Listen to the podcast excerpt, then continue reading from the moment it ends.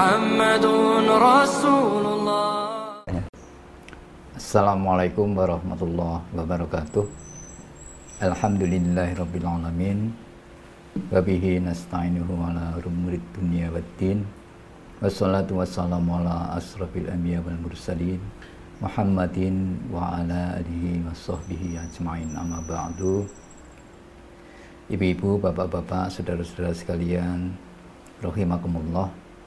Alhamdulillah Marilah kita bersyukur kepada Allah Subhanahu wa taala Allah telah memberikan kenikmatan kebaikan yang banyak sekali kepada kita sekalian. Kita diberi kesehatan, kesempatan, dan terlebih lagi di bulan Ramadan ini kita diizinkan untuk memasuki dan melaksanakan ibadah di bulan Ramadan 1441 Hijriah ini. Salam dan salawat marilah kita sampaikan kepada junjungan kita Nabi Muhammad Sallallahu Alaihi Wasallam. Ibu-ibu, bapak-bapak, rahimakumullah. Pada kesempatan ini saya ingin menyampaikan sedikit hal yang terkait dengan COVID-19, kesehatan, dan herbal. Untuk itu saya ingin menyampaikan dalam tiga bagian. Yang pertama adalah bagaimana kita mensikapi COVID-19 ini. Kemudian yang kedua, bagaimana kita tetap sehat di bulan Ramadan dalam COVID, situasi COVID-19 ini dan yang ketiga, bagaimana kita memanfaatkan herbal atau tanaman-tanaman untuk menjaga kesehatan kita. Ibu-ibu, bapak sekalian, rahimakumullah. Yang pertama, bagaimana kita mensikapi COVID-19. Kita tahu bahwa COVID-19 ini sudah menjadi ditetapkan oleh WHO sebagai pandemi atau suatu penyakit yang melingkupi seluruh dunia. Artinya apa? Artinya kita semuanya warga dunia harus ikut bersama-sama. Pertama adalah menyadari, memahami, dan juga ikut dalam rangka untuk mencegah dan juga mengatasi masalah-masalah yang ditimbulkannya. Tidak terkecuali siapa pun yang menjadi penduduk dunia saat ini semuanya punya tugas dan tanggung jawab untuk itu semuanya. Untuk itulah maka Bapak-bapak Ibu-ibu sekalian, pertama kita lihat dulu bagaimana situasi pandemi ini di tengah-tengah masyarakat kita. Kita tahu bahwa sudah hampir 3 juta COVID-19 ini menjangkiti orang di seluruh dunia. Kalau di Indonesia sendiri sudah lebih dari 8.000 itu data yang tercatat. Mungkin yang tidak tercatat lebih banyak lagi dari itu. Di Yogyakarta sendiri sudah ada sekitar 7 76 ya atau lebih bahkan ya, tercatat hingga hari ini dan itu sudah melingkupi seluruh kecamatan yang ada di DIY kita. Untuk itulah maka kita sebagai warga dunia, warga Indonesia dan khususon adalah warga daerah istimewa Yogyakarta semuanya wajib ikut mengetahui dan juga wajib ikut mengatasi baik itu secara pribadi keluarga ataupun secara bersama-sama. Bapak Ibu rahimakumullah. Namun di balik itu sebenarnya juga ada hikmah yang sangat baik yang terkait dengan COVID-19 ini. Yaitu apa?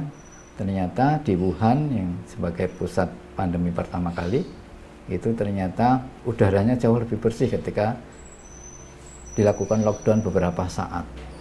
Dan juga di kota-kota di dunia yang lainnya termasuk di Jakarta. Artinya apa? Setelah ada pandemi ini terus kemudian kita semuanya berkegiatan dari rumah dan kita jauh mengurangi kegiatan-kegiatan di luar rumah maka energi yang biasanya dikeluarkan sangat banyak itu kemudian bisa di, kita hemat dengan sebaik-baiknya dan sehingga mengurangi polusi udara dan menjaga dan memperbaiki lingkungan dunia atau lingkungan bumi kita dengan lebih baik lagi. Insya Allah ini juga akan menjadi kebaikan yang terus bisa kita jaga ke, ke depannya. Di samping itu juga dari kegiatan-kegiatan yang kita lakukan semasa kegiatan-kegiatan di rumah ini kita juga ternyata belajar banyak sekali teknologi-teknologi baru yang bisa kita manfaatkan baik itu untuk kebutuhan kita dalam berkomunikasi, kebutuhan kita di dalam mencari ilmu, ataupun kebutuhan-kebutuhan kita dalam mengerjakan pekerjaan kita sehari-hari. Dan itu memang Allah Subhanahu wa taala seperti memaksa kita untuk mau belajar bagaimana kita bisa melakukan kegiatan-kegiatan dengan cepat mensikapi masalah-masalah dengan cepat baik itu informasi yang masuk di dalam e, lingkungan kita ataupun bagaimana kita membuat action-action plan yang lebih jelas untuk mengatasi masalah-masalah yang muncul di sekitar kita termasuk penyakit COVID-19 ini.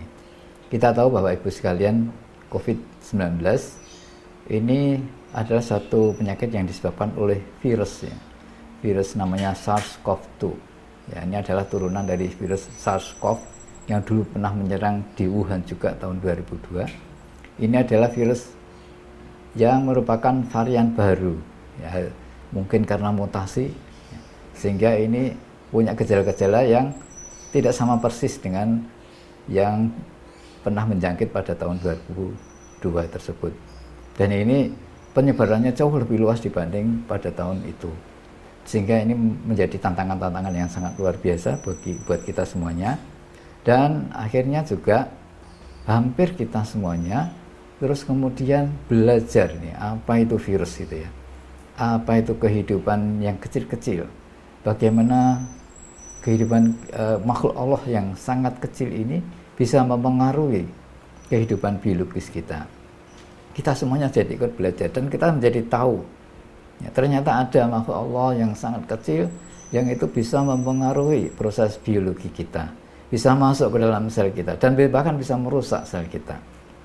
Kita jadi belajar dan kita menjadi bertadabur terhadap ciptaan Allah Subhanahu wa taala. Dan ini menjadi pengalaman yang sangat luar biasa buat kita sekalian. Menambah ilmu pengetahuan buat kita sekalian. Dan hikmahnya juga banyak sekali. Kita jadi tahu bahwa banyak makhluk-makhluk Allah yang kecil-kecil termasuk virus COVID-19 ini. Yang itu harus kita waspadai bersama-sama. Dan di sekitar banyak sekali, di sekitar kita banyak sekali. Dan kita menjadi paham mengapa kita harus cuci tangan. Mengapa kita harus rajin-rajin melakukan kegiatan-kegiatan lingkungan, kebersihan, lingkungan dan sebagainya. Ini padahal kita tidak bisa melihat makhluk, tapi kita yakin sekarang ini kita semuanya yakin, oh ya ada makhluk kecil. Ya. Ini dan ilmu itu mudah sekali kita dapatkan sekarang ini lewat internet, lewat informasi-informasi ya, media sosial dan sebagainya. Dan ini sangat luar biasa perkembangannya. Dan bahkan kalau kita teliti gitu uh, banyak masyarakat itu hampir semuanya tahu nih apa itu virusnya bahkan apa itu SARS-CoV-2 dan bagaimana cara menghindarinya? Dan bagaimana cara mencegahnya dan sebagainya? Luar biasa. Pengetahuan yang kita dapatkan dari SARS-CoV-2 ini. Tidak hanya itu saja. Karena ini hanya modal sebenarnya. Jadi Allah mungkin uh, memberikan satu contoh model bagaimana bahwa itu ada loh makhluk kecil di sekitarmu yang kamu harus waspada. Bah, ini hanya model dan nanti banyak sekali makhluk-makhluk kecil di sekitar kita yang mirip-mirip gejalanya dengan SARS-CoV-2 itu. Dan itu akhirnya kita menjadi paham. Akhirnya, kita bisa, bisa menjadi tahu bagaimana cara mensikapinya dengan sebaik-baiknya dalam kehidupan kita sehari-hari dalam kita bersosialisasi, dalam kita melakukan aktivitas pekerjaan, dalam kita melakukan aktivitas ibadah, dalam kita melaksanakan aktivitas di rumah misalnya begitu, berinteraksi sosial di tempat-tempat umum dan sebagainya. Jadi kita tahu ada makhluk kecil yang harus kita terus waspadai. Nah, oleh karena itulah maka bagaimana kita mengembangkan sikap itu yang terus menjadi produktif untuk kehidupan kita berikutnya. Ibu-ibu, bapak-bapak sekalian rahimahumullah, selanjutnya saya ingin menyampaikan bagaimana kita di bulan Ramadan ini mensikapi dan sekaligus menjaga kesehatan kita di dalam rangka menghadapi COVID-19 ini. Bapak Ibu sekalian, seperti yang telah diprediksi oleh para ahli COVID-19 ini mungkin akan lama sekali menjangkiti kita. Ada yang prediksi dari Harvard University bahkan itu bisa sampai 2022. Pertanyaan kita, apakah kita nanti akan lockdown sampai 2022? Apakah kita juga akan begini terus sampai itu? Nah, untuk itulah maka kita ambil hikmah dulu bagaimana kita di bulan Ramadan ini mensikapi itu semuanya. Bapak Ibu rahimakumullah. Salah satu hal yang diajarkan oleh virus ini pada kita adalah bagaimana kita bisa kita menjaga kebersihan, menjaga kesucian diri. Bagi kita umat Islam, menjaga kebersihan itu sudah menjadi kebiasaan sehari-hari, rutin bahkan. Lima kali sehari kita melakukan sholat. Kita sebelum melaksanakan sholat, kita harus bersuci terlebih dahulu. Kita bersihkan secara fisik bahkan ya. Secara fisik itu kita bersihkan bagian-bagian tubuh kita yang langsung berinteraksi dengan dunia luar seperti tangan ya, muka ya, bahkan hidung ya. Kita tahu hidung ini juga sangat riskan ya. Virus itu masuknya salah satunya lewat hidung. Ya. Tapi Allah Subhanahu Wa Taala menciptakan konstruk hidung yang sangat luar biasa ya. Di situ ada penghalang-penghalang ya yang sangat luar biasa. Ya, sehingga sangat mungkin ada bakteri, ada virus yang masuk lewat hidung itu tertahan dulu di hidung. Ya. Dan kita tahu virus itu ada bagian yang larut lemak dan ada bagian yang larut air. Nah, kalau kita menghirup sedikit air ya dan terus kemudian kita lepaskan lagi, insya Allah itu adalah salah satu cara bagaimana menghalau kita, menghalau kita menghalau masuknya virus itu ke dalam tubuh kita. Sangat luar biasa. Kita diajarkan cara-cara yang terbaik untuk kita.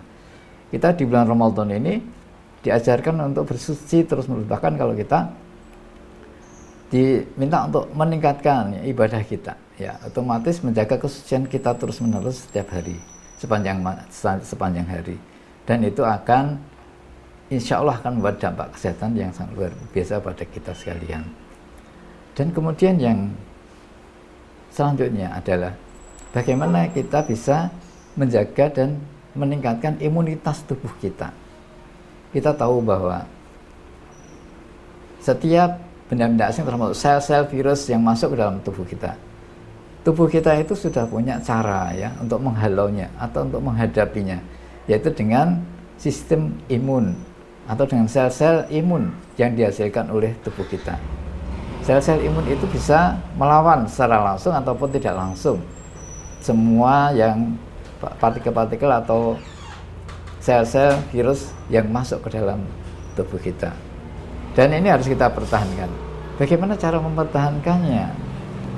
Banyak sekali caranya. Yang pertama adalah bagaimana kita menjaga fisik kita dengan sebaik-baiknya. Misalnya dengan berolahraga misalnya dengan mengkonsumsi makanan yang cukup, yang gizi berimbang, dan juga menjaga kesehatan batiniah kita. Kita tidak gursa-gursu, kita tenang, kehidupan kita tenang. Itu insya Allah nanti akan meningkatkan sistem imun kita. Kita tetap bahagia, ya, tidak sedih terus-menerus, tidak suka ngerasani orang ya kita berprasangka baik terhadap orang lain kita di bulan Ramadan ini diajarkan untuk selalu menjaga kesucian lahir batin kita kesucian batin kita kita jaga dengan sholat kita tambah sholat kita kita tambah ibadah-ibadah kita yang lain tadarus Al-Quran sodakoh ya. Berbuat baik yang lebih banyak lagi kepada orang lain. Insya Allah itu akan menjaga keterangan dan meningkatkan keterangan kita. Dan insya Allah itu akan memberikan nilai yang sangat positif pada tubuh kita. Bapak Ibu sekalian benda-benda asing atau berupa virus ataupun bakteri yang masuk ke dalam tubuh kita itu akan dihalau oleh sel-sel imun kita. Bahkan sebenarnya sel-sel imun kita itu juga bisa membersihkan sel-sel yang tidak terpakai di dalam tubuh kita atau sel-sel yang rusak di dalam tubuh kita. Bahkan sel-sel yang membahayakan di dalam tubuh kita seperti kanker misalnya gitu. Sel imun kita bisa mengenali itu semuanya terus kemudian bisa melakukan pembersihan ya, dengan sebaik-baiknya gitu. Sangat luar biasa sekali. Yang insya Allah kondisi-kondisi ini bisa kita capai pada saat bulan Ramadan ini. Karena pada saat bulan Ramadan inilah ya tubuh kita itu diatur cara mengkonsumsi khususnya makanan misalnya gitu. Sehingga apa? Sel-sel kita tuh ada kesempatan untuk mendeteksi mana sih adanya kerusakan, ada yang tidak beres sehingga ada kesempatan untuk menghalau itu semuanya. Ada kesempatan untuk membersihkan itu semuanya. Ini suatu hikmah yang sangat luar biasa ketika kita menjalankan ibadah-ibadah di bulan Ramadan. Sangat luar biasa.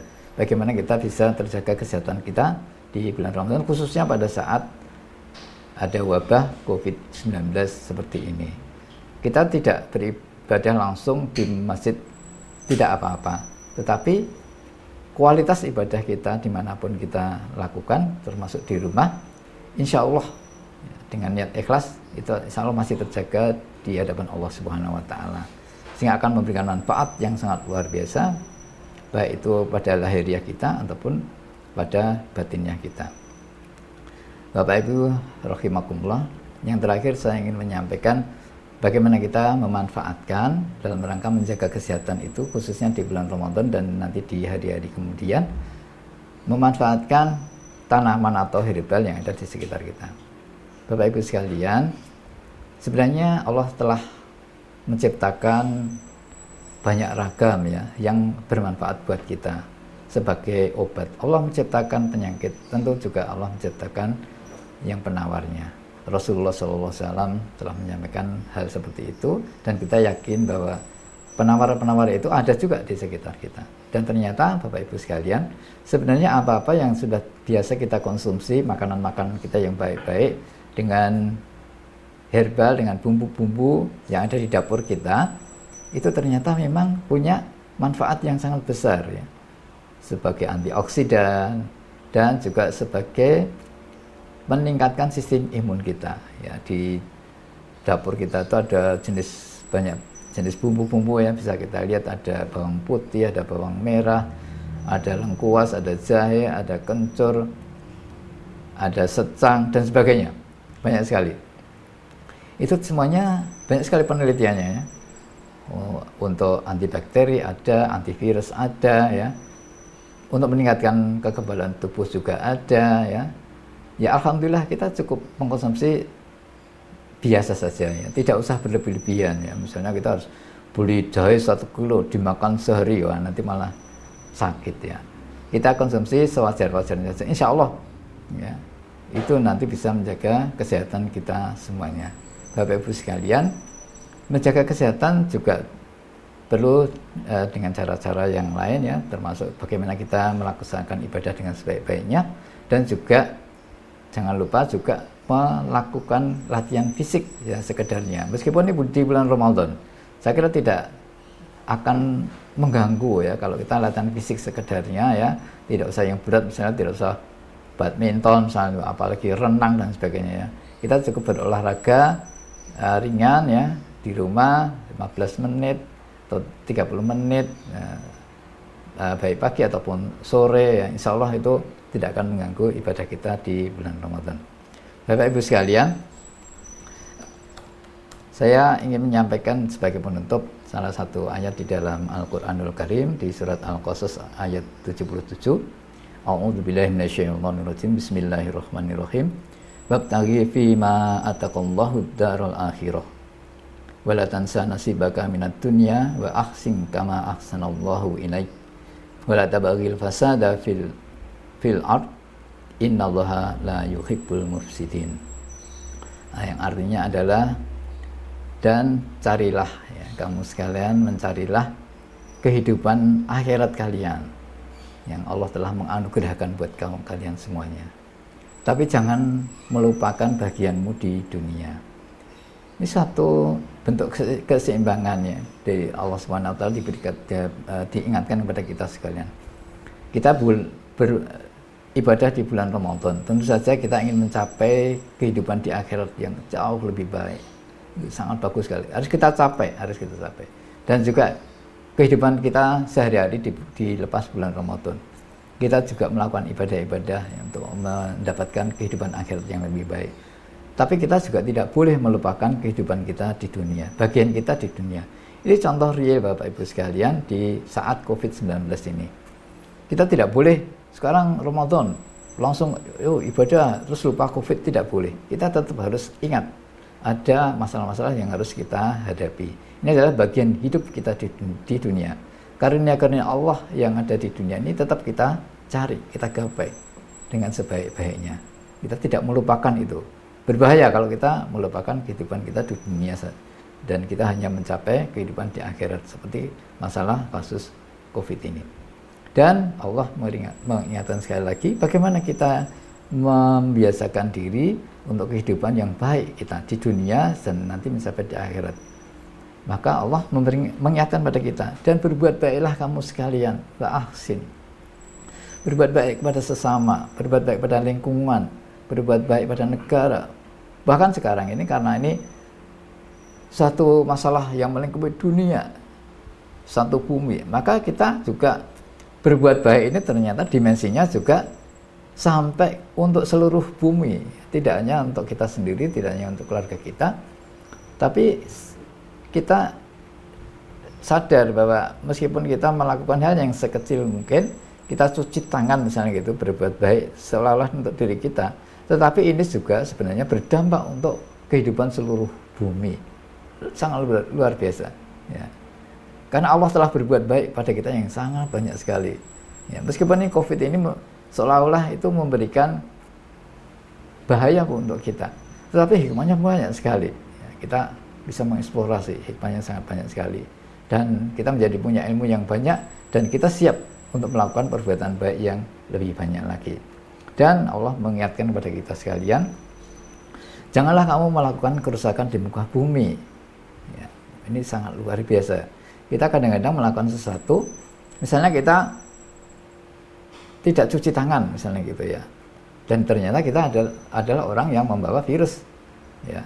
Nah, karena kita gaya ya, tidak mau diingatkan, terus kemudian kita berbuat seenaknya sendiri, pegang-pegang dan sebagainya, dan itu bisa menjadi transmitter nanti ya. Jadi memindahkan virus-virus virus yang kita bawa itu.